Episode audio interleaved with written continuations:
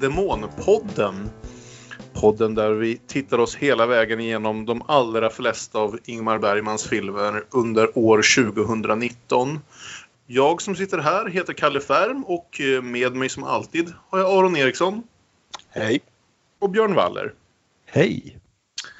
Vi är nu framme vid vårt tjugonde avsnitt. Och i Bergman tidslinjen är det 1958 och det är dags för oss att tala om Ansiktet. Som är vår film för denna vecka. Men innan vi ger oss djupare in i Ansiktet och vad vi tycker om den så har Aron, som jag har blivit hans vana, sett lite mer än vi andra och har tittat på något som kallas för rabies. Det låter charmerande. Det är charmerande. Det är återigen tv-teater. En pjäs skriven av Olle Hedberg. Så vitt jag förstår eh, på Ingmars beställning. Eller i alla fall i samförstånd med honom att skriv du så regisserar jag. 1945. Mm -hmm. Då han först satte upp pjäsen. Och här 58 gör han den på tv alltså. Okej. Okay. Och, och, den det... handlar alltså om en kvinna som blir instängd i en bil med sin lille son medan en rabiesmittad Sankt Bernhards hund står utanför. Eller? Du har också sett den?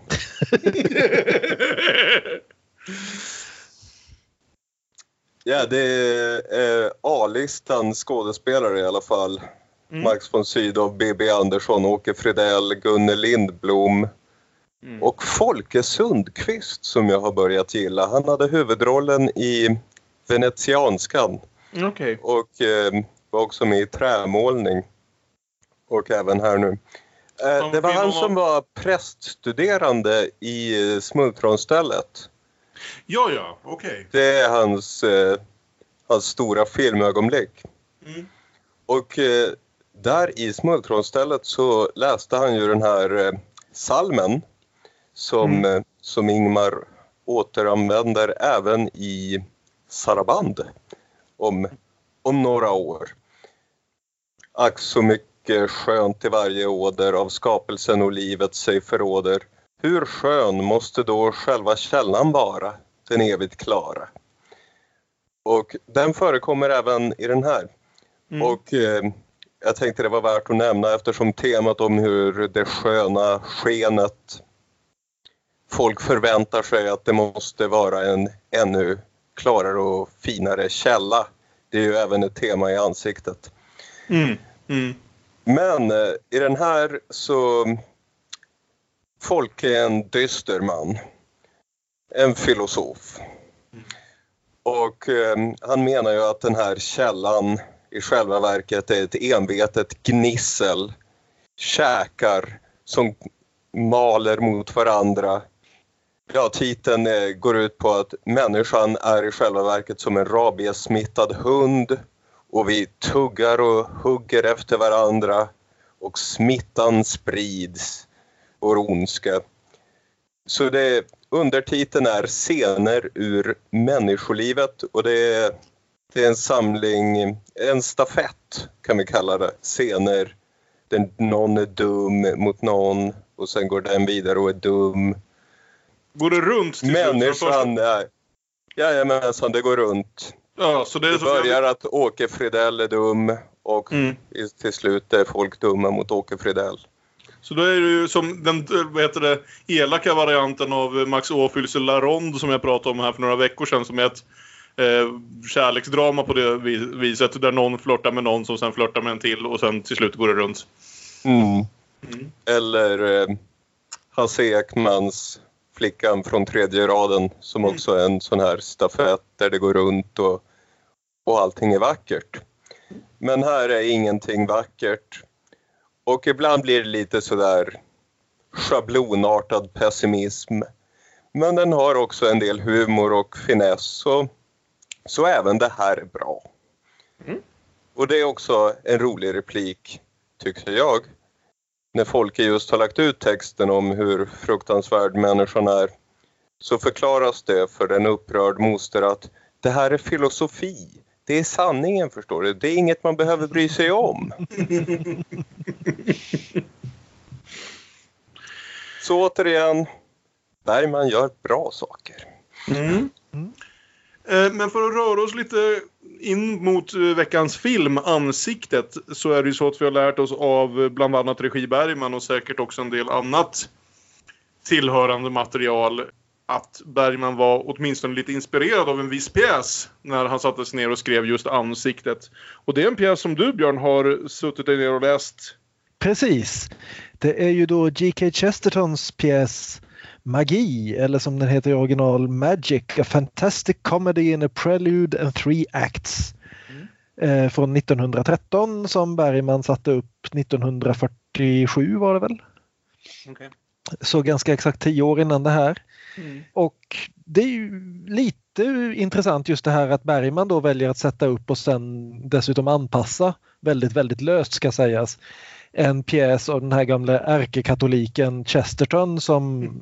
Tillbringar större delen av sin karriär med att driva hej vilt med alla som inte var katoliker. Ja, man, man ser ju släktskapet här lite grann ändå. Mm. Chestertons pjäs, för att ta väldigt kort eh, summering är helt enkelt att vi har en eh, gammal adelsfamilj på engelska landsbygden någonstans med en väldigt eh, förvirrad gammal hertig. Hans eh, amerikansk inspirerade kusinbarn eller någonting sånt och dennes eh, irländsk inspirerade väldigt, väldigt hippieaktiga syster. Och dessutom den lokala prästen och den lokala läkaren som diskuterar vad som är sant och verkligt när det plötsligt dyker upp en trollkar. Som först utger sig för att vara 11 och sen utger sig för att vara en helt vanlig liksom partytrollkar och förklarar att ja, ja, men det är bara knep det här. Här ser ni själva, här är snörena, här är eh, det dolda fickan i ärmen, bla bla bla och den här unga amerikanska sonen är helt säker på att ja, ja, men jag har listat ut allt det här. Jag kan allt, jag vet allt. Vetenskapen har genomskådat precis allting. Fram till den punkten där den här killen faktiskt gör ett trolleritrick som är ett riktigt trolleritrick. Mm. Och plötsligt går från att vara en trollkarl till att vara en magiker. Och hur det här då påverkar den här lite äldre konflikten mellan läkaren och prästen och den lite nyare konflikten mellan spiritisten och eh, affärsmannen. Mm. Och ja, det är en rolig pjäs för Chesterton var en rolig jävel. Det är också en väldigt predikande pjäs för Chesterton var jävligt predikande jävel. Jag tycker inte illa om den. Jag tycker faktiskt rent av att den kanske fungerar bättre som en liten kort entimmas pjäs än vad den här filmen vi ska se fungerar fullt ut som en 90 minuters film. Mm. Men eh, det är ingenting jag liksom skulle sätta upp på min måste göra eller se någon gång lista. Den, den är småtrevlig och den landar några snygga poänger. Den har en väldigt roligt replikskifte om militanta veganer som känns inte alls 1913 men ja. Vi kanske kommer in lite mer på den nu under filmen men mm. Men då låter det lite spännande här. Innan vi ger oss mm. in på diskussionen eh, om ansiktet så ska jag ju som alltid läsa ett synopsis ur Regi Bergman. Den här veckan är det väl inte det värsta vi har läst i, i synopsisväg men kanske inte heller det bästa. Året är 1846. Dr. Albert Emanuel Fågler, mesmerist och magiker inom citattecken, reser till Stockholm med sin trupp och hustru som är utklädd till man. De sätts i husarrest och blir förhörda av konsuln, en läkare och polischefen. Fågler skrämmer läkaren innan gruppen kallas till slottet för att visa upp sina konster. Den hoppar snabbt genom mittenparten där som de här synopsisarna mm. tenderar att göra men eh, en del av det dök upp där i alla fall. Vi kan väl säga så här att skrämmer eh, läkaren var kanske lite, li, lite för kortfattat för att plocka, plocka, upp exakt vad det är han faktiskt gör. Men visst, eh, låt... låt... Nej! Nej! eh, men det låter lite spännande för det låter på, för andra veckan på raken här som att vi inte riktigt är överens. För jag tycker riktigt bra om den här filmen måste jag säga. Eh, inte i klass med liksom Smultronstället eller Sommarnattens leende eller något sånt. Men jag tycker det är en av de starkare filmerna hittills skulle jag absolut säga. Och jag hade först roligt eh, under den och sen så tycker jag den blir ganska effektiv. När vi kommer in på de lite mer, vad ska vi säga, magiska, eller är de nu magiska, bitarna av historien. Eh, men det lät inte på dig Björn, när vi pratade lite innan, som att du håller med om det. Nej, alltså jag är lite kluven till den här. Jag tycker det finns saker i den som fungerar väldigt, väldigt bra. Eh, och jag någonstans gillar hur den slutar, även om slutet egentligen inte alls passar. Den gör nästan ett adelsmärke av sina fel. Den ja. är väldigt medveten om vad det är som inte funkar och den står liksom där och sträcker på sig och säger jaha vad fan ska du göra åt det då? Det gill jag gillar attityden filmen har mer än jag gillar själva filmen. Okej. Okay. Om vi säger så. Just slutet var verkligen en sån här grej när jag behövde sätta mig upp och bara tänka Tycker jag om det här eller inte? Och sen så kom jag nog ner på sidan att jo men jag tror ändå att jag gillar det där slutet. Vi ska inte ta liksom sakerna i förväg här nu. Men så här, det är ett speciellt slut som definitivt sticker ut från resten av filmen. Och eh, man kan nog tycka olika om det. Det är lite grann som att se en riktigt, riktigt bra gitarrist bara hamra ett enda ackord på en ostämd gitarr bara för att reta publiken lite grann. Jag, jag älskar att han gör det. Jag vet inte hur länge jag vill lyssna på det. Ja. Okej, okay, okay, jag är fel person att säga det för jag skulle lyssna på det i två timmar sträck. Men... du har flera fel med det där uttalandet. Dels håller jag inte med dig om vad det gäller den här filmen. Dels inser jag också att du var helt fel person att säga det. Men eh, nej, jag tyckte riktigt bra om den här. Det var, jag hade sett den förut men det var en av de här som det var 15 till 20 år sedan så jag kommer i stort sett bara ihåg scenen på vinden och att Ingrid Thulin skulle låtsas vara man i början. Vad säger du då Aron? jag kanske är mitt emellan er då ja. och tycker den är ganska bra. Mm. Jag gillar attityden som Björn sa. Den är närmast mest lik fängelse av de vi har sett tidigare. Lite samma... Ja. Ja, ja jag, jag, samma uppkäftiga jag... attityd. Absolut. Det ligger faktiskt något i det. Mm. Så det var bara uppfriskande. Mm. Och sen var det väl vissa partier som som inte var lika lyckade. Men vad ska du göra åt det då? ja, nej men då så. Då låter det ju som att vi har förhoppningsvis en ganska spännande diskussion framför oss här. Eh, jag kan säga så här i alla fall att det börjar ju med en öppning som i alla fall för mig direkt drar tankarna tillbaka till Gycklarnas afton. Vi är återigen ute med, inte direkt ett teatersällskap, men något slags sällskap i deras vagn. Ja, det är alltså 1846 och Fåglers magnetiska hälsoteater färdas genom skogen i en hästdroska till ljudet av är det en akustisk gitarr eller är det något annat stränginstrument? Det är väldigt tydlig musik så... Mm.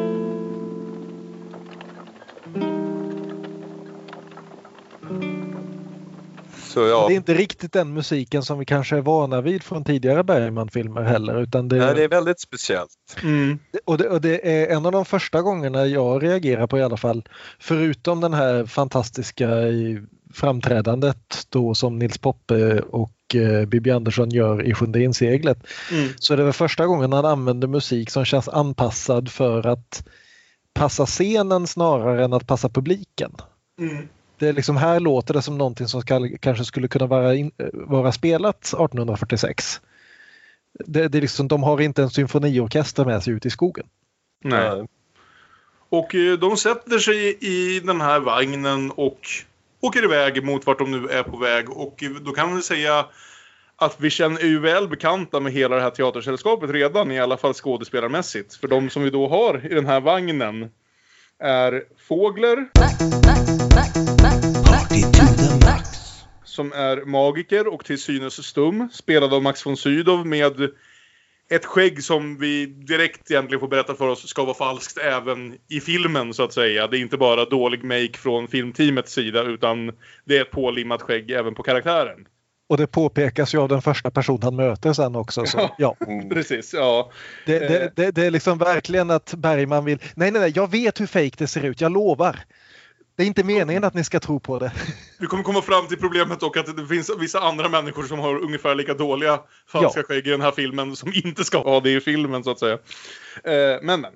Herr Aman och som spelas av Ingrid Thulin och som lite mystiskt här då alltså spelar man. Så som det först presenteras för oss. Och, eh, utan att det till början ges någon större förklaring till det här.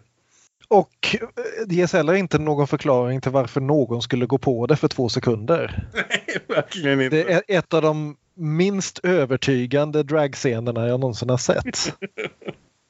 ja, eh, det är Tubal spelad av Åke Fridell som har bytt ut sin annars så stiliga mustasch mot ett par ordentliga polisonger. Och det är mormor, som hon väl bara kallas. Mormor eller moster, lite beroende på vem det är som pratar med henne. Som är Naima Wifstrand i riktig, alltså kanske sin Old Croniest av alla hennes Old Crones hittills. Mm.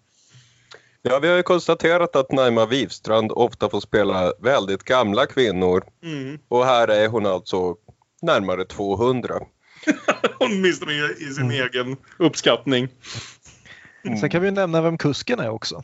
Ja, för det är Lars Ekborg. Mm. Tillbaka i Bergman, i alla fall i Bergmans filmer för första gången sedan Sommaren med Monica. Mm. Mm. Som kusken Simpson.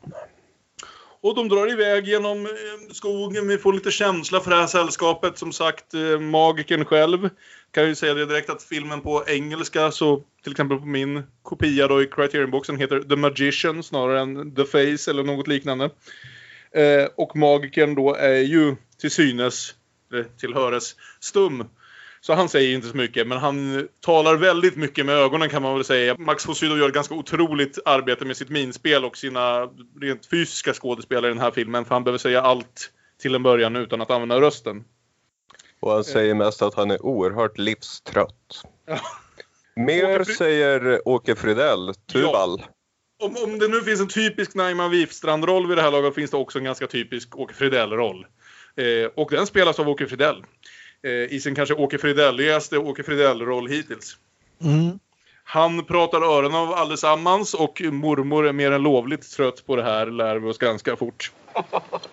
Moster med sina halvlunor och avhuggna fingrar och andra rackartyg. Mm, och här i skogen gick gastarna och suckade och tjöt så folk vågade sig inte in i skogen sen solen hade gått ner. Det minns jag väl mycket väl. Ja, moster med sina gastar. Du Albert, varför har du den här Tubal till medhjälpare? Du skulle kasta ut honom. Eh, det är förmodligen de andra i vagnen också, men hon är den som uttrycker det. Det finns också eh, här i början en liten ton som jag gillar just med det här att Naima Wifstrand får ta plats ordentligt. Bland det första mm. vi ser i filmen är hon som lockar till sig en korp och sen spottar på den. Mm. Så hon, hon det är liksom inget tvivel alls om att hon spelar häxa. Nej. Och att hon har några repliker här i början just som antyder att hon är väldigt gammal och eh, när de är här ute i skogen och det är 1800-tal och det är liksom verkligen det här att ja, när, om ni kommer ihåg Sjunde inseglet, det här liksom gamla, gamla grejerna mm. är inte helt döda än här. Vi är inte framme vid det moderna Sverige. Vi är inte framme vid det där läget när skogen bara är ett rekreationsområde. Det finns fortfarande magi som kanske någonstans mm. här ute. Mm. Den börjar ju liksom om man nu som vi har tittat oss igenom så börjar den ju direkt och, känd, och stämningen känns som en korsning av Gycklarnas afton och det sjunde inseglet skulle jag säga. Ja. Och det blir ju inte mindre så när de nästan håller på att köra över döden. För där helt plötsligt ja. ligger Bengt Ekeroth i ett dike. Eh, ja, det hörs ett, ett skrik, eller ja, mormor hör ett skrik. Och eh, Tubal menar att det är en räv. Och jag gillar så mycket Naima Wifstrands replik på det. En räv! Det var det dummaste hon någonsin hört. en räv på två magra ben. Blodig och kanske med huvudet hängande i några senor. En räv utan ögon och med ett ruttet hål till munnen. Jo, jag har sett dem, jag. Jag vet vad jag vet. Nej, jag gillar mormor. Ja, hon är en stark karaktär, absolut. Mm. De, de stöter alltså på döden som har klätt ut sig till Bengt Ekeroth för mm, att spela Johan Spegel. Kanske det minst subtila namnet i hela Bergman än så länge. Uh, han var skådespelare innan hans sjukdom tog honom bort från det. Mitt namn är Johan Spegel och jag är mycket sjuk om synes. Vill ni lindra mitt kval så ge mig lite brännvin. Eftersom brännvin är min sjukdom men också dess lindring. Brännvin är både min sjukdom och dess bot och jag vill säga att det är en replik vi haft tidigare någonstans va? Jag kände Jag igen den så otroligt väl så jag vill säga att det är inte första gången den dyker upp. Jag vet Jag kan- inte om vi har haft den Nej. tidigare. Nej. Men eh, den känns ju som en väldigt talande tematisk replik för filmen att, att både botet och sjukdomen är en och detsamma Mm. som det här trolleriet. Så det är tvetydigheten där. Ska, ska Och vi har säga, ju alla läst Derridas, vad heter den, Apoteket? Någonting sånt på svenska. Jaså, den. Om farmakon, hans läsning av Platon. Det ska väl sägas att i alla fall för mig som inte hade... Alltså jag läste ju såklart listan på skådespelare i förtexten här men Bengt Ekeroth har ju inte varit med i våra filmer här förutom när han spelade Döden. Så jag, jag kände bokstavligt talat inte igen honom. Han spelar den här rollen så totalt annorlunda. Alltså jag Ja. menar Döden är en sån väldigt speciell karaktär både i liksom hur han är stylad och hur han talar och allting så här. Så jag fattade inte att det var samma person förrän det tog en bra stund. Han är väldigt bra här också och som, som man säger själv, förmodligen döende direkt de träffas. Ja, precis. Han får ju gå från att spela döden till att spela död ganska fort alltså. Mm. För de tar ombord honom på vagnen och han får lite brännvin och han förklarar att detta är livets sista dag. Och sen så dör han mitt i en monolog. Har döden nått mina händer? Mina armar? Fötterna? Magen? Nu kan jag inte se längre. Jag är död. Ni undrar. Jag ska tala om. Döden är... Han hinner med lite vassa repliker först. Ja, Återigen på det här eh, tvetydighetstemat och, och osäkerhet. Ja, herr Aman sitter och läser en roman om falskspelare och pratar om att Bedrägeriet är så allmänt förekommande att den som talar sanning i regel stämplas som den största lögnaren. Författaren förutsätter alltså en stor allmän sanning någonstans i fonden. Det är en illusorisk teori. BGL tycker att eh, det där förutsätter att man tror på en stor evig sanning. Mm. Så vi kommer direkt in på vad ändå måste vara filmens centrala tema här Mm. någonstans. Som jag kände det i alla fall. För det presenteras inte... Återigen, kanske inte helt subtilt men jag gillar det ändå. Och det handlar väl någonstans i alla fall om att hitta vad nu än den stora sanningen är. Den liksom Mm. ofrånkomliga sanningen är i en värld där Ta fan nästan allting i den här filmen är ju falskt på ett sätt eller annat. Den stumme mannen är inte stum. Vad heter det? Mannen som åker- reser med honom är inte kvinna. Den som är död är inte död.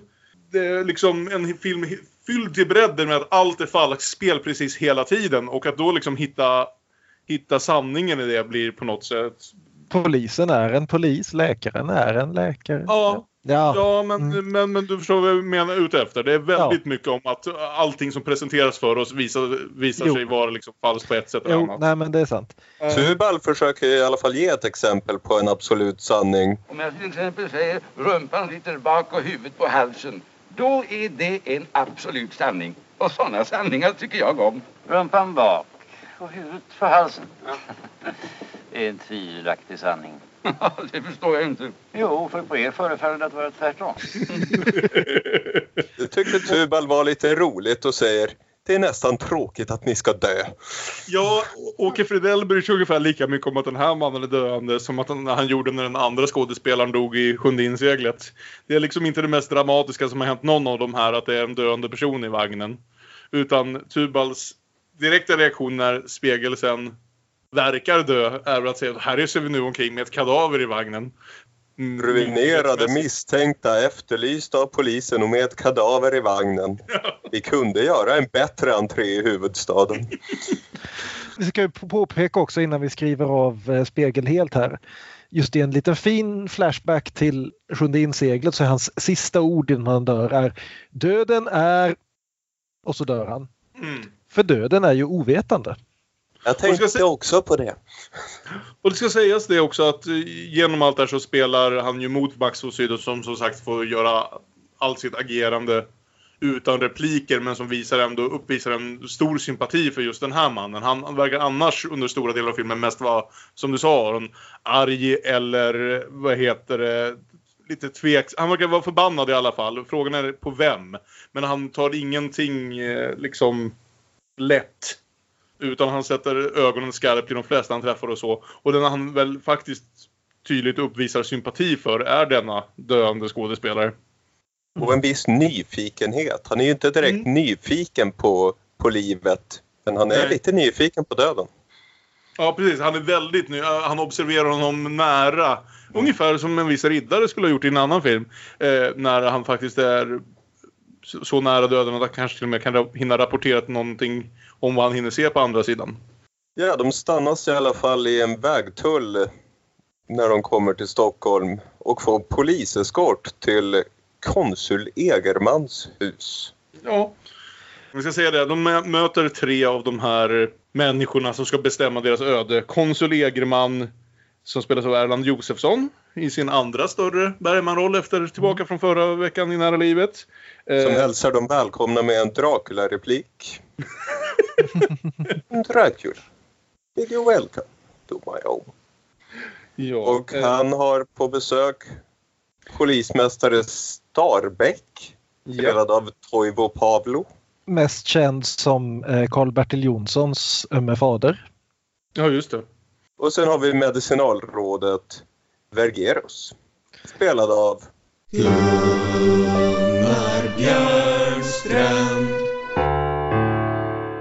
Nu har vi alltså en Fågler, en Vergerus och en Egerman i ett och samma rum. Precis, nu är det, nu är det Bergman. Nu, nu, nu är vi liksom förbi ungdomstiden. Nu är vi på banan med Bergman. Fågler, Vergerus och eh, Egerman. Egerman, precis. Det, det, kan, det kan inte bli mer uppställt. Så att Nej. säga. Nu behöver han inte hitta på fler namn. Nej, och det kommer han inte att göra heller. Och Egerman har vi ju hört tidigare men Fågler och Vergerus är nya. Ja, vi har väl haft en Fågler tidigare? jag vill också säga att vi hade en Fågler någonstans. Ja, men, men, Jag trodde det här Verger, var Fågler-premiär. men det, Vergerus premiär är det definitivt. Är. Och om denna Vergerus, som alltså spelas av Gunnar Björnstrand, kan det också vara kul att nämna att det här var alltså Ingmars nidbild av Harry Schein. Ah! För Ingmar var övertygad om att Harry Schein var ute för att sabotera för honom. Och Harry var också gift med Ingrid Thulin och Harry försökte få Ingrid Thulin att sluta skådespela. Och det tyckte Ingmar att ett utmärkt sätt att reta gallfeber på Harry Schein är att locka Ingrid Thulin till Malmö stadsteater så det gjorde han. Och, och då började ju Harry hälsa på och Ingmar var den trevligaste värld men falsk. Han smed sina planer om att förgöra Harry Schein. Men eh, de blev vänner till slut. Ja. Det beskrevs Och- och- lite intressant i, i regi Bergman här någonstans att eh, för den vanligaste läsningen av den här filmen är väl liksom Bergman är magikern som inte tros av, av av, vad heter det, överheten runt om honom oavsett det är SF-cheferna eller kritikerna eller vilka det nu kan vara. Och alla ber honom hela tiden upp, uppvisa verkligheten och allt han vill att visa vad han, det han faktiskt kan, vilket är magi oavsett sann eller, sann eller inte.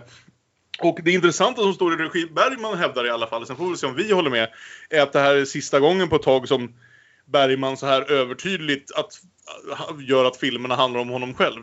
Att nu är in, det här är sista gången på ett tag, för vi har ändå haft ett antal gånger som de här filmerna handlar om Ingmar Bergman och ingen annan. Nu kommer man börja röra sig i alla fall, börja intressera sig för lite andra människor än sig själv i huvudrollen. Just det här som du sa där Aron, att han hälsar dem välkomna med en Dracula-replik. För det här är ju redan och kommer att bli än mer så. Det här är ju Bergmans, jag vet inte om man ska kalla det kärleksbrev, men ändå liksom hans stora gotiska film. Mm. Eh, Det är- blir liksom, det blir någon konstig genre mashup här som är, vad ska man säga, Gothic Madcap. Det, ja, det kommer att bli mycket mer av det. Och det är, en av sak, det är en av sakerna jag verkligen gillar med filmen. Ja. Mm. Ja, jag tycker allt det här är ganska spännande. Alltså än så länge, jag förstår vart lite vart era klagomål kan komma, komma in. Än så länge tycker jag det här är ganska spännande för det som händer direkt ju, vi lär oss att de här tre herrarna är här för att utvärdera sällskapet. De vill helt enkelt undersöka om någon av all deras påstådda magi eh, kan anses vara på riktigt eller om allting är trådar och speglar. Mm. och eh, de gör det inte på det vänligaste av vis utan eh, det står ju helt klart att de här står i konflikt till varandra och inte minst när Gunnar Björnstrand direkt trycker ner Max von Sydow i en fåtölj och börjar undersöka lite närmare huruvida hans stumhet faktiskt kan vara äkta. Jag tror att jag hatar er. Misstag. Det finns bara en sak som intresserar mig. Er fysiologi, herr Fågel. Jag skulle vilja obducera er. Väga er gärna. Öppna ett hjärta. Forska en smula era närbanor. Också trevligt sätt när man träffar nya ja. människor. Men nu går ni snabbt fram, vänner. Ja, Okej, okay, förlåt mig. Ja, det är ju en förhörsscen det här. Där borgarna förhör gycklarna. Mm.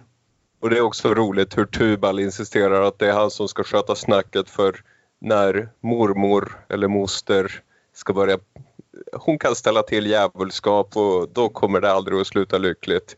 Då ska de vara glada om de tar sig levande därifrån. Det blir i alla fall så att eh, det ska göras ett litet test där eh, vad heter Max von Sydow? Mm. Albert Emanuel Fågler ska visa hur han kan påverka verkligheten för den här Bergerus. Och det är ju frågan då när han börjar prata om att jag vill obducera dig om det är en lyckad verklighetspåverkning eller om det är Bergerus är helt enkelt så här trevlig.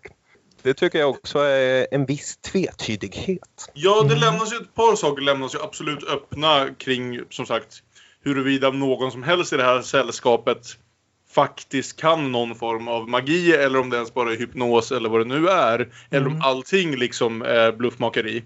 En hel del är det, det görs klart från början. Men eh, det lämnas ganska öppet om liksom mormor, en 200 år gammal häxa och som faktiskt kan några av de här konsterna och kan fåglar, om inte annat i alla fall hypnotisera folk. Mm. Mm. Kraman eh, själv eh, säger ju att allt är apparater, speglar och projektioner. Det är helt ofarligt. Mm. För det är också, de har satt in en tidningsannons och det är det som polismästaren frågar ut om, om de ska få tillåte, tillåtelse att göra sina framträdanden. Mm. Så, så de säger nej, nej, nej, ingen magi här. Det var väl därför de skulle ha tyst på mormor antar jag. Hon hade inte svarat så. du här sätter upp liksom filmens paradox lite grann att för att få framträda och påstå sig ha magiska krafter måste de först bevisa att de inte har det. Ja. Det vill säga mm. de måste ge en föreställning som övertygar om att de kan övertyga samtidigt som de också övertygar om att bluff alltihopa. Ja. eh, och det, och boten. Ja, och det är lite grann här som jag, filmen börjar skava lite grann för mig för det är som sagt, det är möjligen en reaktion på eventuella krafter han kanske möjligen har. Men mm. om, om, vi tyckte att läkarna i förra filmen var inkompetenta och känslokalla mm. så blir ju liksom både polisen och läkaren här direkt de värsta liksom nyateister man kan tänka sig. Den ställer upp en konflikt mellan, mellan tro och vetenskap som jag tycker känns både klumpig och falsk.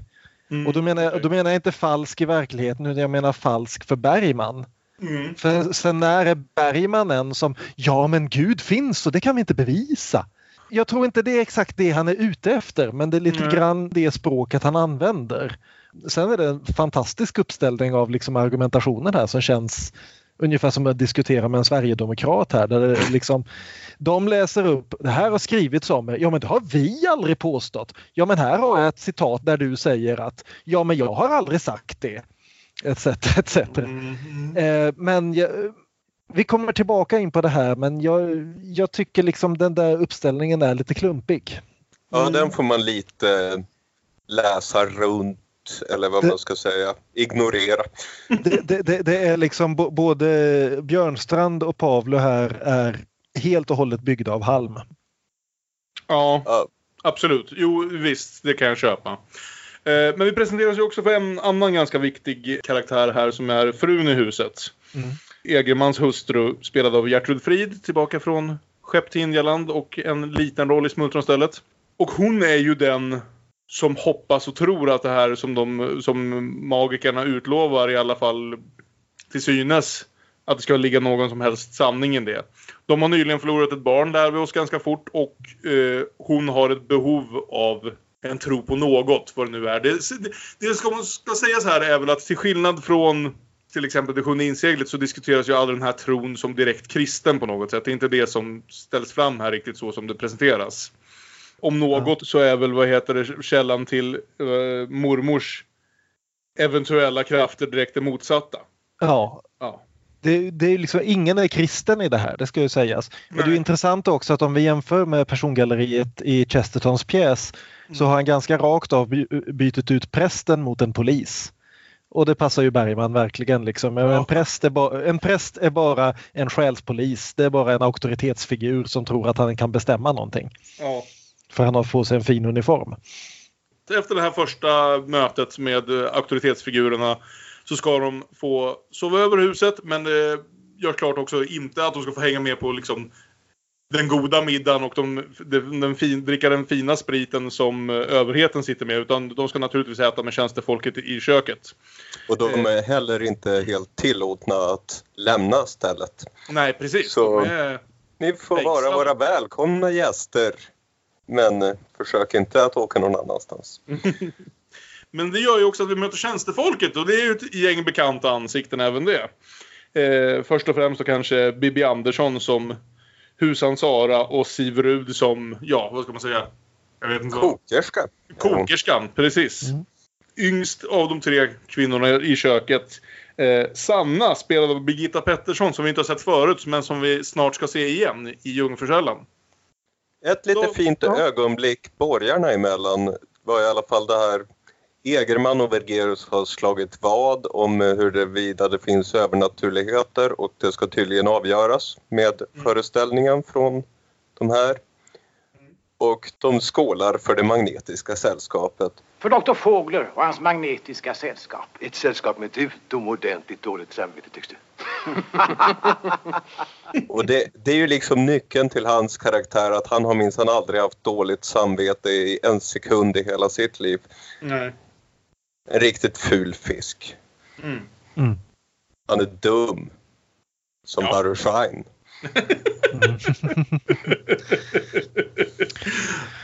ja. Ja, jo så visst, det är inte de mest subtila karaktärsporträtt han någonsin har gjort. Men jag liksom uppskattar ändå någonstans det här. Det, det är ett spännande uppställning just det här att någonstans ska magi eventuellt bevisats när nästan ingen i rummet förutom mormor som verkar lite halvknäpp eh, verkar tro på det. Vi ja, går tillbaka till tjänstefolket i källaren där. Och då där... är det ju liksom i stort sett det är Sommarnattens leende. Exakt, de sätter upp en amatörteateruppsättning av Sommarnattens leende. Med lite eh, extra eh, häxbrygder inkastade. Precis, Naima Wivstrand säljer varenda liten glasflaska hon har. inklusive råttgift. In, inklusive råttgift. Som kärleksbrygd och eh, ja om det är några som tror på det här sällskapet ska det väl säga så är det i alla fall de två unga flickorna i mm. köket som är till olika grader upphetsade eller skitskraja för de här konstiga människorna som kommer in och ska bo där över natten. Jag tror att det är farliga människor som man måste akta sig för. Jag tycker de ser otäcka ut. Du förstår inte det där Sanna lilla, men du är så ung fortfarande. Trollkarlen själv är alldeles stum, det är väl otäckt. Han har inte sagt ett ord under hela kvällsmaten. Rustan säger att han låtsades. Det är väl ännu otäckare. Jag är riktigt rädd. De har inga pengar i alla fall. Man behöver bara vara rädd för folk som är förmögna. Det är väl otäckt att de är fattiga. Tänk om de slår ihjäl oss och stjäl alla herrskapets pengar. Precis. Och vi kan ju också säga att det här är sommarnattens leende downstairs. Ja, precis. Ja, det är inte herrskapet, det är tjänstefolket. Mm. Tubal får ju napp ja. med kokerskan Sofia. Som och, är väldigt klar på saken ja. vad hon vill ha och inte, hon, hon köper bestämd. inte det här. Mm. Hennes man har varit död tillbaka... i åtta år och det kliar rejält. Ja. Hon ger till och med tillbaka kärleksmedicinen som hon har betalat pengar för. Du kan ju sälja den igen. Mm. Förklarar hon. Så hon ja. ser ju rätt igenom hans, eh, hans snack. Men, men hon gillar honom. Ja. Alltså det är ju inte Sommarnattens leende kvalitet på det här på något vis men jag tycker ändå det här är ganska liksom charmigt och underhållande på ett sätt som det blir när de här skådisarna kastas ihop i lite lättsammare omständigheter. Så jag har inget emot hela det här. Det är en ganska lång sekvens. Eh, Ja. medan, medan Max von Sydow och eh, Ingrid Thulin och, och eh, de tre skurkarna befinner sig på annan plats. Det är en trevlig scen men jag vet inte vad den har att göra att vara så här lång i den här filmen. Den, Visst. den går liksom ingenstans. Visst, Mm. det, det, det är jättefint det där när liksom Bibi Andersson låter sig släpas in i tvättstugan av Lars Ekborg och tar svendomen av honom. Men Låter sig. Ja. Hon får jobba ganska hårt för Ja, precis. Jo, men det, det är det jag menar. Hon, hon får liksom jobba väldigt hårt för att övertyga honom om att det är han som bestämmer.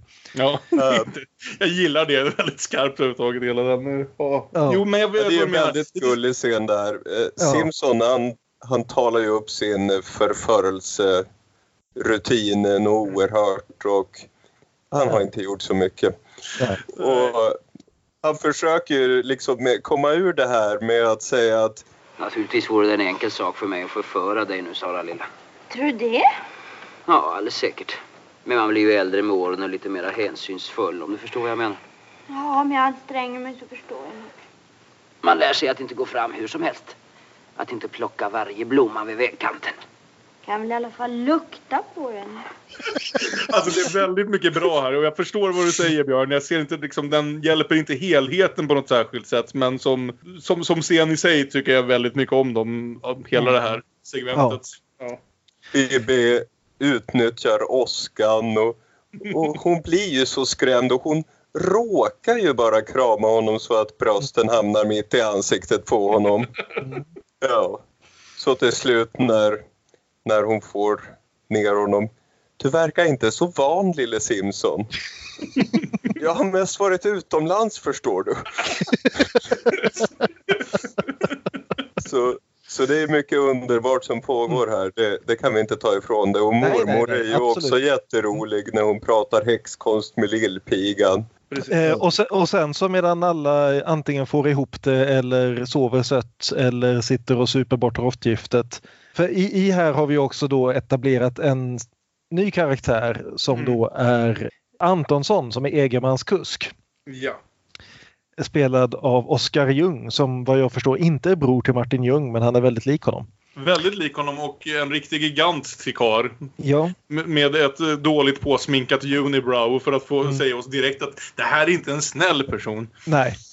Och det är viktigt att nämna därför att det som händer i slutet, inte i slutet av natten för natten ska på, hålla på ett tag till. Men när alla börjar dra sig tillbaka är då att eh, mormor läser en trollformel och vem dyker upp här? Om inte Ekerot som en zombie. Ja, precis. Och plötsligt blir detta en zombiefilm i några minuter och det gillar jag. Ja, det förstår jag. Men är han, alltså det är det som är frågan här. Var han död innan eller är de bara jävligt dåliga på att hålla koll på sånt där? Ja, det är väl lite grann frågan men det verkar ju som att han inte var riktigt så död som han... Återigen, men jag gillar i och för sig hur öppet det lämnas. Det är mycket Ja. möjligt att han kommer tillbaka från de döda. Det är Mm. inget i filmen som säger direkt emot det. Ja, för hon läser ju definitivt en trollformel och hon ritar ett upp och nervänt kors och lite allt möjligt. Kommer Hon tillbaka. förklarar också för Antonsson att ja du Antonsson, kanske kommer du att hänga dig ganska snart. Ja. Passar hon på lite i förbigående. Ja, och vem vet. Ekerot passar, eh, förlåt Spegel heter han. Mm. Han passar då på att som alldeles uppstigen ur graven göra som zombies gör, nämligen rusa in, välta en massa flaskor för Antonsson och eh, vad heter han, Rustan och stjäla deras brännvin. En gast sprang in och stal vår flaska. Gasten tog brännvinet, snyftar de fram. Mm. En ärlig replik att snyfta fram på fyllan. Men Kalle, vad händer då upstairs medan allt det här händer downstairs? Det händer ju en hel del, så jag kommer knappt ihåg i vilken ordning det händer. Dels lär vi oss, vilket väl liksom var ganska lätt att gissa hittills, men att Ingrid Thulin, baba, inte alls är en man som heter Aman, utan en kvinna som heter Manda och dessutom Fåglers hustru.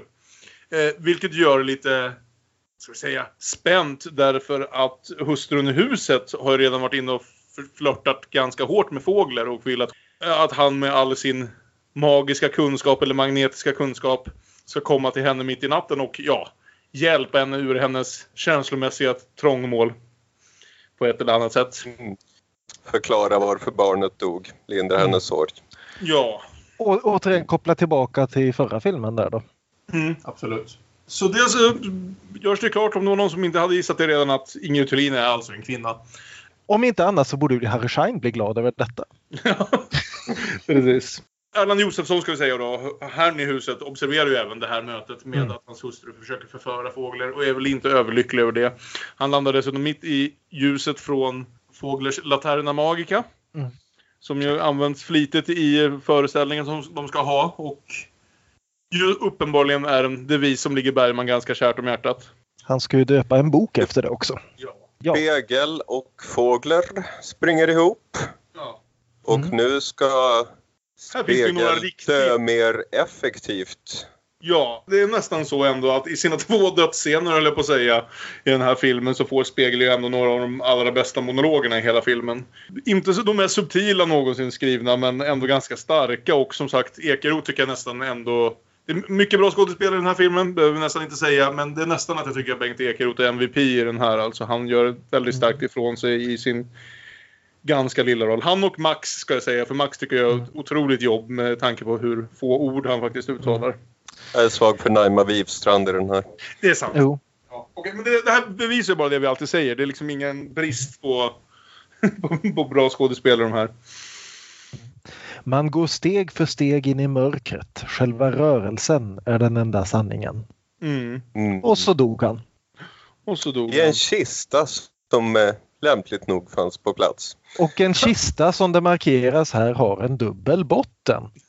Mm. Ja. Undrar om det Jag undrar om detta kommer att komma tillbaka på något sätt. Mm. Dubbla bottnar och tillbaka från döden. Och, Ja. och han, han säger det att Jag dog inte. Men jag har redan börjat gå igen. Egentligen gör jag mig bättre som gast än som människa. Jag har blivit övertygande.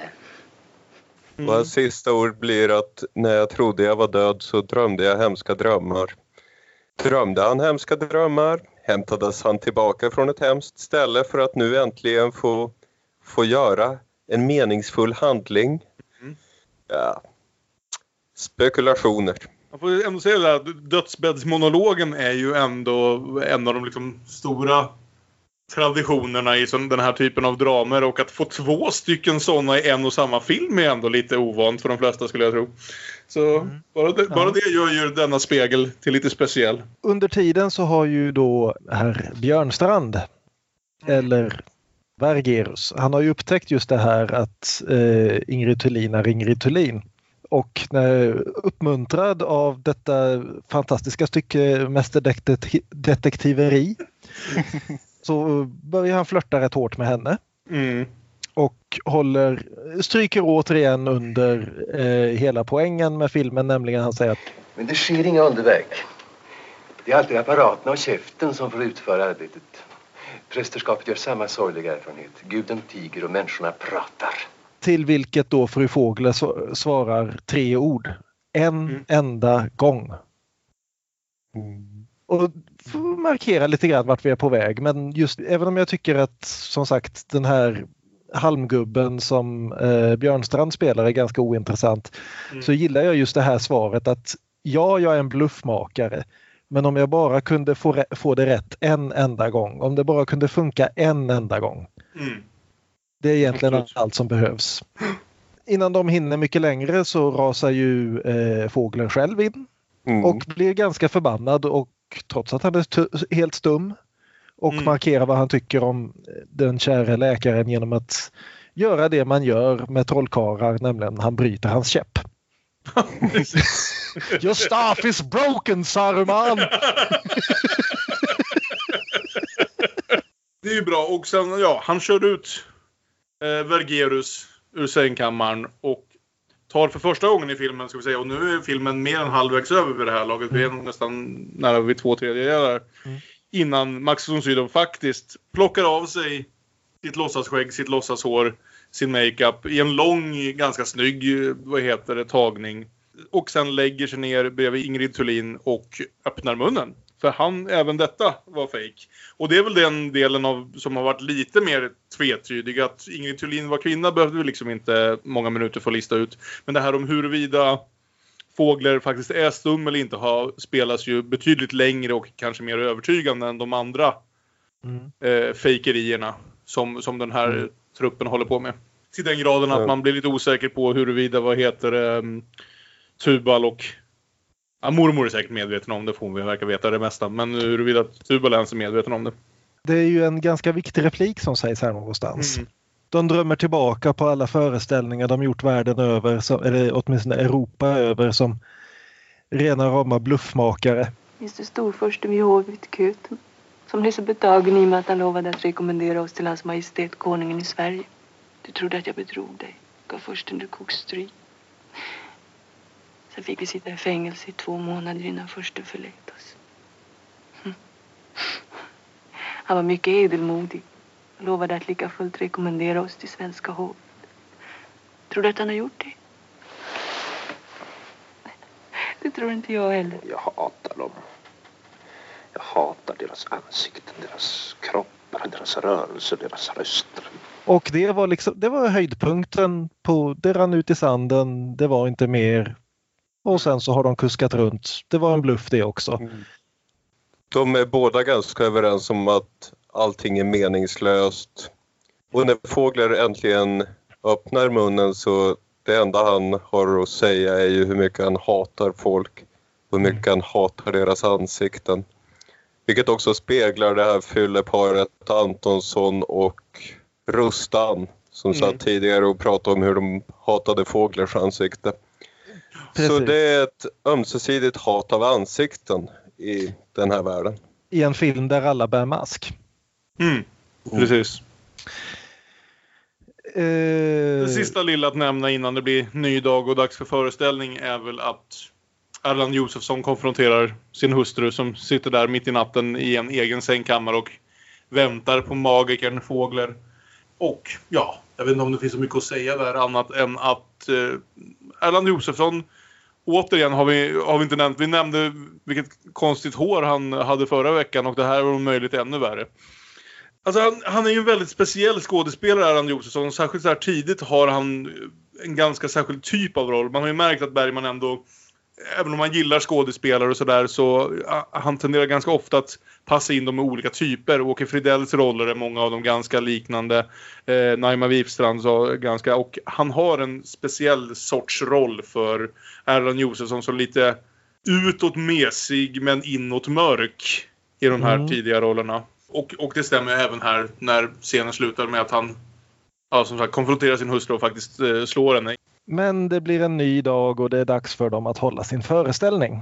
Och det som är så intressant här är ju just vilken blandad kompott den här föreställningen är utifrån om man säger vår, vi som tittare och även såklart de här åskådarna som sitter där för att bedöma huruvida det här kan tänkas vara på riktigt eller inte.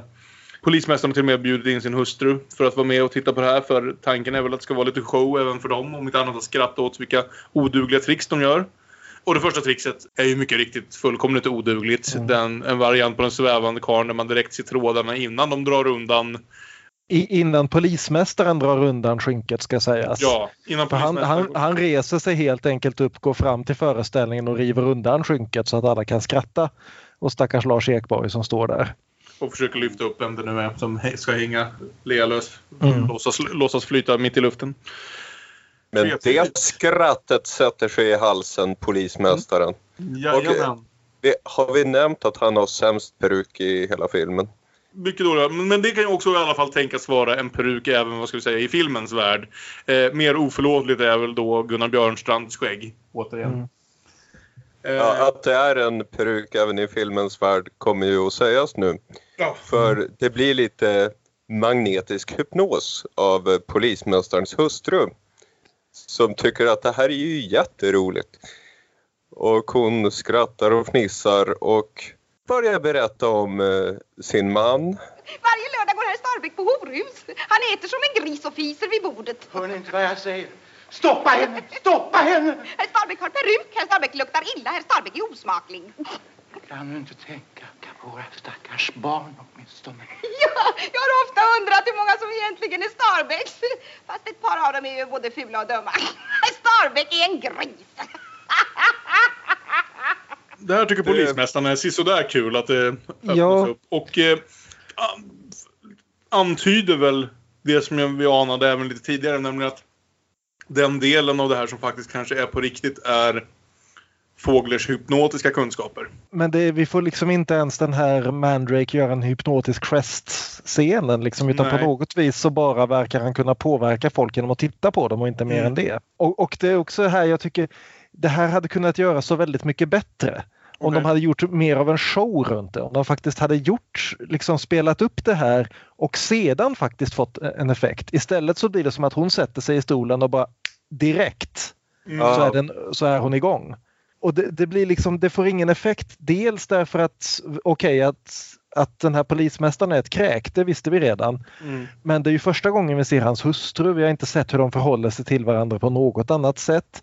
Vi får liksom, det avslöjas ingenting som på något vis har en poäng utöver de här två människorna. Det är, liksom, det är inte en bra föreställning helt enkelt. Nej. Ja, precis. Och jag Och- och funderade på, tycker jag om att det här är en så dålig föreställning? Är det inte finess för filmen? Ja, för, för det det vet del- inte fan om det är det.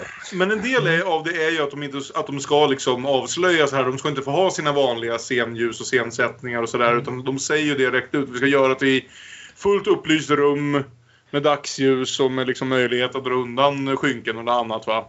Jo, jo men ändå, liksom, det ja. finns ett skäl till att hypnotisörer kör hela den här grejen. Du blir väldigt, väldigt sömnig etc. Ja. Det, det är ju showen. Ja, absolut. Här, här missar du alltså showen och det här jag också tycker filmen fallerar lite grann. I den mån den är en liksom, metafor för eh, det kreativa skapandet, konstnärskapet och så vidare, vilket Mm. väl den till viss del är. Så är det liksom, ja men liksom cirkusartisterna i Gycklarnas afton var åtminstone bra på det de gjorde. Mm. Nils, Nils ja. Poppe och Bibi Andersson i Sjunde inseglet är bra på det de gör. De här Mm. är ju bara liksom utöver den eventuella magiska kraft som fåglar eventuellt har så är de usla showmänniskor.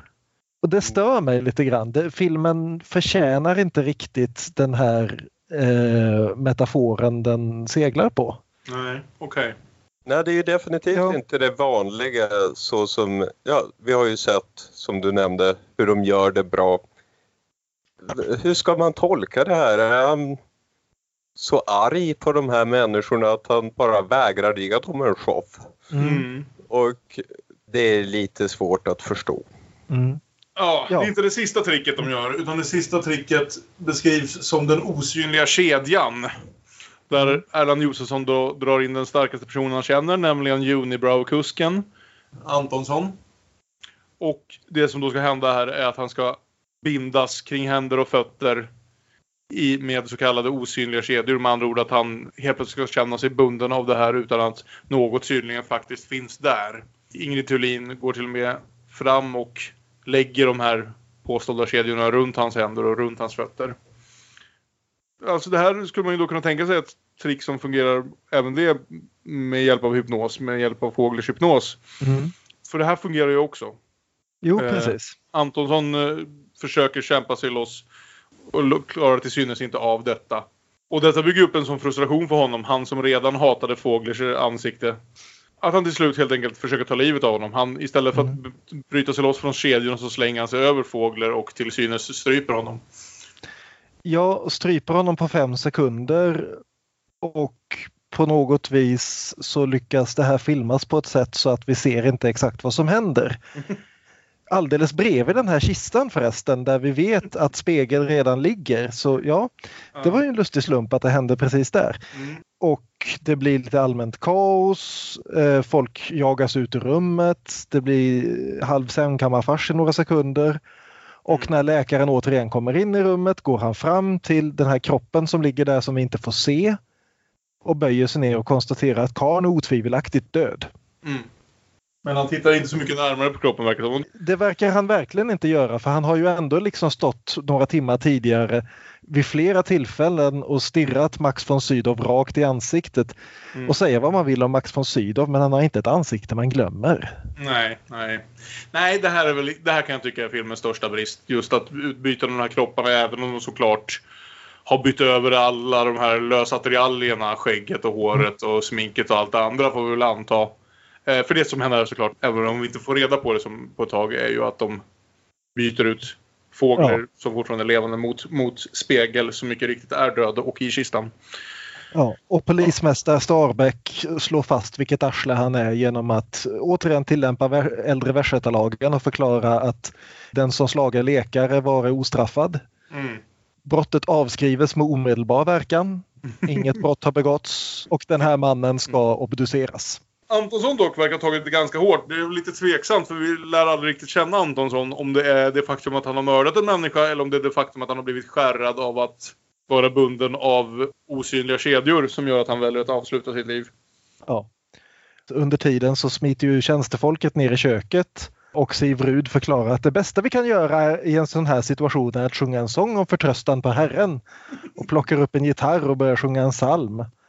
Och gör det ganska väl också ska sägas. Eh, vår käre Tubal bestämmer sig direkt för att yes, här är vad jag kliver av. Ja, precis. Han vill inte hänga med det här sällskapet längre. Nej, precis. Eh, Egerman går upp på vinden med liket för att obducera. Ja, Naima Wifstrand hittar kuskens hängande kropp och gör ett upp och nervänt korstecken i väggen. Tyckte det var en snygg, snygg detalj för det är inte lätt att, att gestikulera när du verkligen bara gör korsrörelse vart, hur långt ner du sätter det korsande strecket. Men hon gör det väldigt tydligt att det inte är det vanliga korstecknet utan det andra. Ja, och sen så befinner vi oss ju på vinden i en scen som jag tycker om, inte för att den, alltså, den är inte nödvändigtvis den mest logiska i exakt vad som händer. Det är också som sagt, vi har redan nämnt den största bristen, nämligen att inte Vergerus skulle märka skillnaderna på kropparna. Eh, men här tycker jag däremot att det här showmanshipet får komma fram. Jag tycker det här är en jävligt effektiv sekvens. Ja, alltså när vi väl kommer fram i scenen där då eh, eh, Vergerus har blivit inlåst på vinden och saker och ting börjar spöka. Ja, Här har vi filmens klart bästa sekvens. det här är så jävla För- bra. För nu går Bergman full on stumfilmskräckis. Det här är liksom tysk expression, expressionism 20-tal rakt av. Det är så jävla snyggt. Ja, jag älskar hela den här sekvensen. Det är liksom ingen slump att det här i stort sett var den jag mindes förutom att Ingrid Thulin skulle försöka spela kvar i den här filmen. Det var liksom det och att den, hela den här sekvensen i stort sett.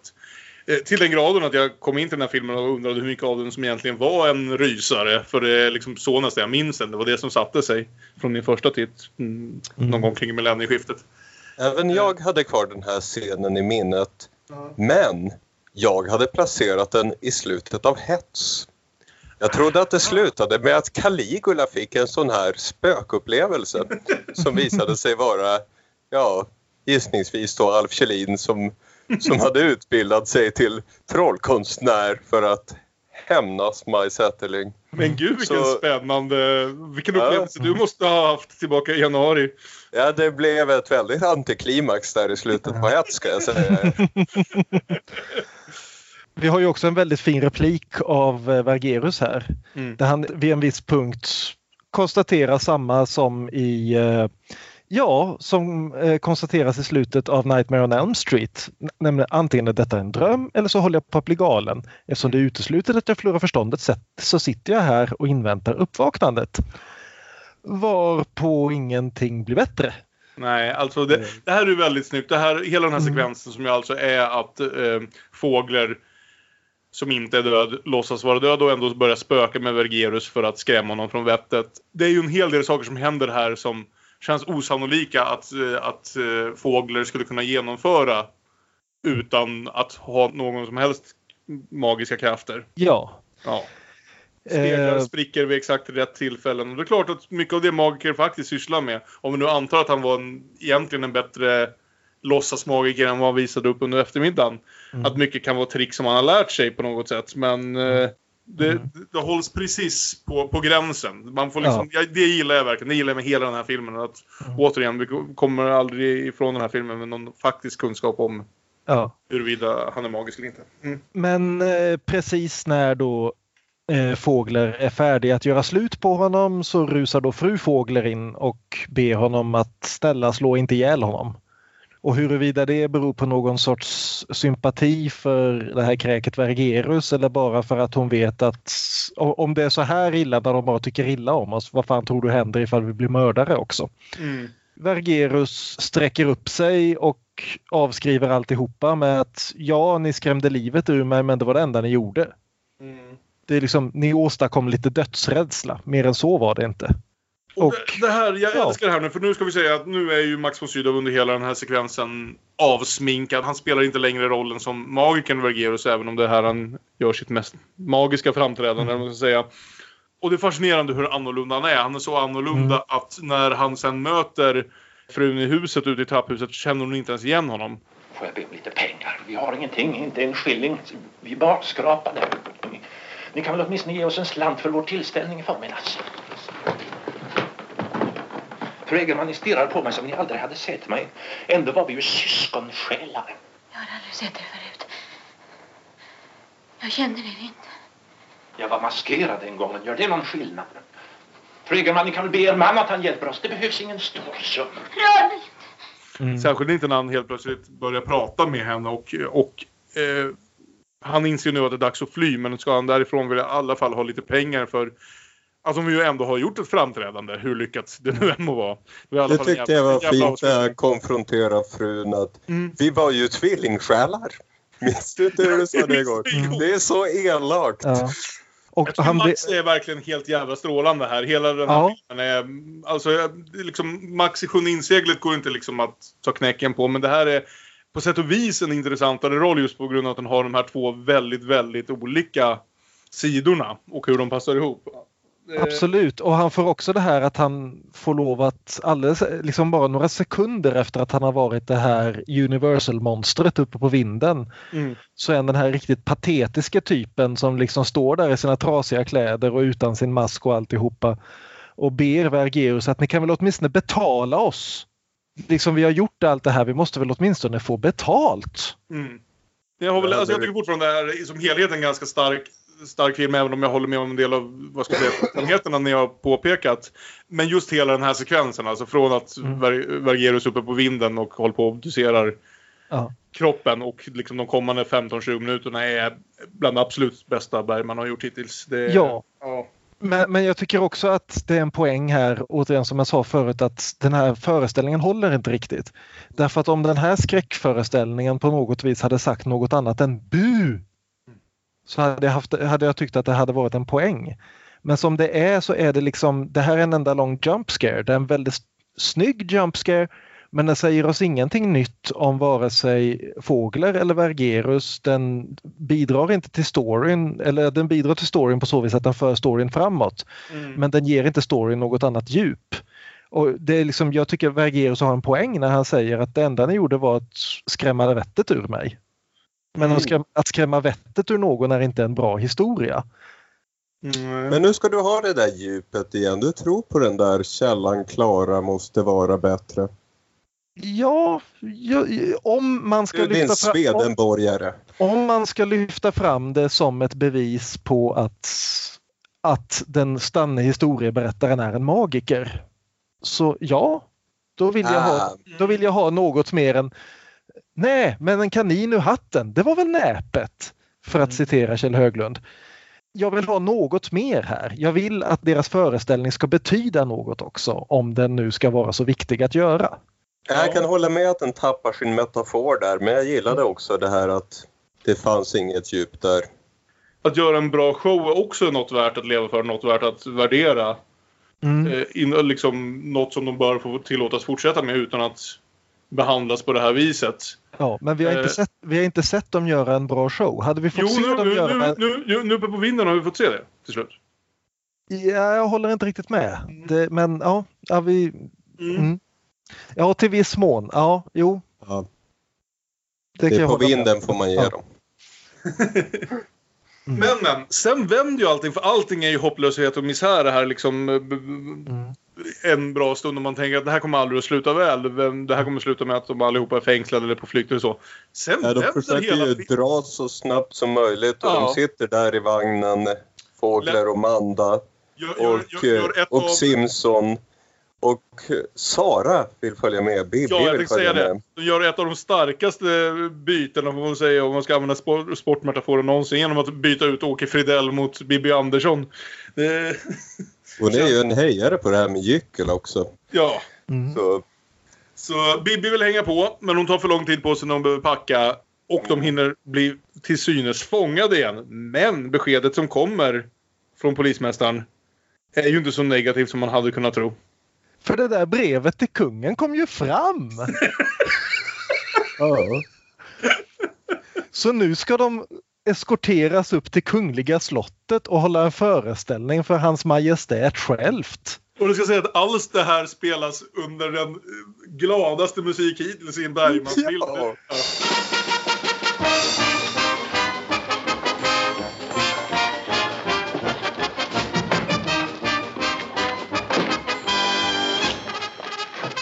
Det är som fanfarerna när, när en Jarl Kulle äntrar scenen i Sommarnattens leende igen liksom. Fast Ja, och Fågler liksom på något vis rafsar ihop sig och sträcker upp sig igen och får tillbaka sin värdighet fast han inte ens har masken på sig. Nej. den blir oerhört lång.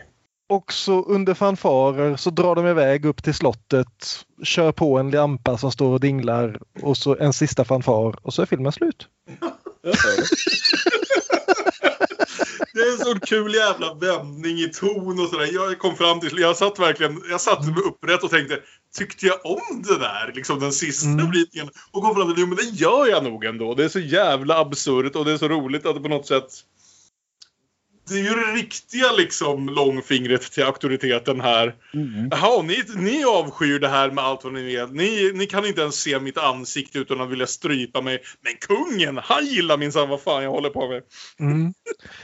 Vilket väl definitivt är liksom appeal to authority men inte... Ja, och, det ska säga, och här har vi den andra möjliga parallellen då till eh, Chestertons pjäs. För den som har saknats eh, hittills från pjä, i pjäsen är ju den här enormt fjantiga hertigen som är halvsenil och eh, hela tiden pratar om fel saker. Och man får väl anta att det är kungen då. Ja, ja. Ja, kung 1846 var ju Oscar den förste. Som vi väl alla vet var son till Karl XIV Johan och det är väl ungefär allt någon vet om honom. Så han kan mycket väl ha varit en idiot, vem vet? Varför inte? Mm. Men igen så har vi den här tvetydigheten som gått igenom hela filmen. An appeal to authority that Mm. är ett långfinger to authority. Ja, som sagt, jag gillar ju någonstans den här grundtanken runt filmen. Liksom att alla konstnärer, bluffmakare och lögnare betalar mig.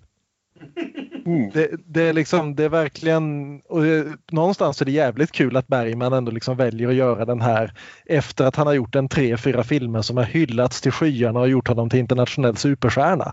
Mm. Så bär han fortfarande på så jävla mycket motvallskärringhet att han liksom Ingen fattar mig, jag ska visa er era jävlar. Ja, det är ju en vild film det här.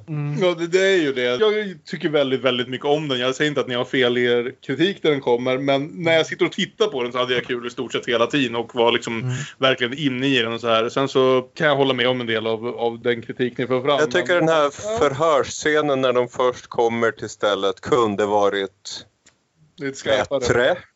Och eh, den här föreställningen vet jag inte vad jag ska göra av. Den här dåliga Mm. föreställningen på alla sätt och vis. Men annars tycker jag väldigt mycket om väldigt mycket. Mm, mm. Och som sagt, jag tycker det, det finns många scener i filmen som är väldigt bra. Det är ju fantastiskt persongalleri Mm. eh, och skådisgalleri. Men jag, jag tycker helt enkelt att metaforen spricker och eh, det är för många plot holes. Och att klaga på plot holes i en Bergman-film är dumt. Men det här är så väldigt uppenbara plot holes. Ja, ja. Så det, det är liksom, jag köper inte att, här, att den här skulle fungera för fem öre. Ja, nej men det är ingen dålig film. Jag skulle säga att den är i övre halvan av de filmerna vi har sett men det är den sämsta film vi har sett på ett tag. Mm. Jag håller ju absolut inte med eftersom jag inte kunde med nära livet alls. Mm. Jaha hörni, men då ska vi väl avsluta som alltid jag på säga den här veckans program med den där leken då Aron. Ja, du menar? Dubbelbull, dubbelspel, parhäst, filmfest. Veckans dubbelbullek och eh, den här veckan börjar vi kanske hos Aron, eller vad säger du Aron? Det kan vi göra. Ja, jag tänker det här lite oframgångsrika rockbandet som åker omkring och kämpar för att nå någon slags framgång. Och det här är en film jag inte har sett på länge så det här kan... Det kan hända att det inte är en bra film. Men jag tyckte om den där på 90-talet när jag såg den på TV. Airheads. Airheads var eh, en av de VHSer som jag hade som, som var mest spelade på 90-talet hemma hos mig. Så jag har inte heller sett den sedan dess men jag har sett den väldigt många gånger då. Jag såg den ett antal gånger då. Ja. Det är Brendan Fraser, Steve Buscemi och Adam Sandler som är ett hårdrocksband som, eh, som är trötta på att ingen tar dem på allvar så de eh, tar en radiostation, en gisslansituation på en radiostation där de ska nå ut med sin musik. En härlig crime-komedi musikal. Regisserad av Michael Lehman 1994. Som jag minns den som charmig. Ja, jag vill säga att Michael Lehman tidigare hade gjort Heathers och senare i stort sett bara gjort en massa avsnitt av både bra och dåliga tv-serier. Han har också gjort Hudson Hawk. Ah, just det. Okej. oförglömliga rullen. Som är så omdebatterad. Ja, 40 dagar och 40 nätter eh, får, med Josh Hartnett i celibat. Intressant. en meritlista. Björn, vad är ditt val denna vecka? Jag blev ju så inspirerad av den här fantastiska skräckscenen på vinden där. Så jag tänkte tipsa om en annan fantastisk skräckscen på en vind. Nämligen då gå all the way back to the roots. Den ganzen Weg zurück zu den Wurzeln. Eh, der Golem, wie er in die Welt kam Just det. av Paul Wegener från 1920. En av de allra första såna här klassiska tyska stumskräckfilmerna. Eh, då baserad på Gustav Meirinks eh, roman Der Golem. Som då återberättar historien om Prags Golem eh, som ju väcks upp av en judisk mystiker för att beskydda judarna och ja, ka- klassiska Frankenstein-problematiken helt enkelt. Hur man hanterar den här och ser till så att den faktiskt beskyddar och inte förstör.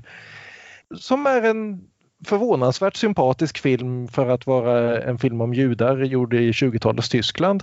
Men också är, har några av de mest fantastiska sådana här Varelse träder fram ur rökscener. Eh, det finns en scen just när Golem ska komma till liv. Och Golem spelas ju då i filmen av Paul Wegener själv men så har hittills då spelats av vad som väldigt uppenbart är en staty. Och på något vis lyckas de då byta ut statyn mot Paul Wegener utan klipp och utan att släppa honom med kameran. Och det är, jag har sett den scenen ett antal gånger och jag blir fortfarande helt, varje gång han börjar röra på sig så är det är så fantastiskt snyggt gjort. Och det är överhuvudtaget en riktigt bra film. Det kommer bättre filmer i den här vågen längre fram men den här är liksom en, en av grundstenarna och den ska absolut ses. Ja. Häftigt! Mitt val är också baserat ganska mycket på den oerhörda vindscenen här uppe och eh, scener som ska vi säga, i alla fall för mig har lite liknande känsla. Och den här, just i det här fallet så tänkte jag även lite på den här tematiken som jag tyckte fanns i ansiktet eller som jag fläm, främst plockade från ansiktet innan, innan eh, jag sen läste i regi Bergman och blev klart för mig hur mycket det handlar om just konstnären mot auktoriteten. Nämligen det här om eh, vad, hur hittar man sanningen i en värld där allt verkar vara falskt. Och jag tänkte då på Henri Georges Clouseaus Le Diabolique som jag väl har, tror har den svenska titeln De djävulska. Ja. Som är en... Eh, börjar som en thriller och slutar som en skräckfilm från ett par år innan den här, 1955 vill jag säga. Där en elak mans älskarinna och hans hustru helt enkelt bestämmer sig för att gå ihop och göra gemensam sak av att mörda den jäveln. Och sen tar det vändningar som man helst inte ska, ska veta om innan man ser filmen. Men också en film som spelar mycket som sagt med eh, vem, vad och vem är falsk, vad och, vad och vem är sanna människor i det här sammanhanget och eh, har några otroligt creepy och effektiva rysarscener. Som jag började tänka på när jag såg den, framförallt då den här Vince-sekvensen. Det finns också en otroligt dålig remake gjord i Hollywood på 90-talet som ni kan låta bli att se utan fokusera på den från 1955 av Henri Georges Clouseau. En väldigt bra film. Mm. Ingen airheads, men... Jag gillar att vi kan koppla både Dergolem och Airheads till en och samma film. Båda två ändå. Jag menar, jag fattar båda kopplingarna. Väldigt. Mm. Ja, men med det sagt så lämnar vi väl vår Bergman-värld för den här veckan och återkommer nästa vecka med Jungfrukällan. Vi har pratat lite om att Bergman det här laget började bli väldigt ansedd även utomlands men Jungfrukällan får nog ändå anses för hans faktiska enorma internationella genombrott. Eh, Den ska vi prata om massor nästa vecka och då kommer Olof tillbaka också för första gången på ett tag och pratar om den med oss. Det också, ska vi väl kanske säga dock, en av de filmerna som eh, mer direkt och tydligt har, gjort, har gjorts faktiska remakes på och då är det i alla fall ett par av oss som har tänkt sätta oss ner och se dem också för att kunna ha en lite mer ingående diskussion om vilka ändringar som har gjorts och hur de fungerar i förhållande till, till originalet. Hur är det Aron? Har vi någon låt den här veckan? Jajamensan, det finns massor som rimmar på ansiktet. Ni kan nå oss på sociala medier. Vi är att Damonpodden på både Instagram och Twitter. Vi är Damonpodden med Ä på Facebook. Och man kan mejla oss om man så vill det på damonpodden at gmail.com. Men med det sagt, tack för att ni har lyssnat på oss den här veckan och eh, förhoppningsvis hörs vi igen nästa gång. Ha det så bra! Hej då! Puss och kram!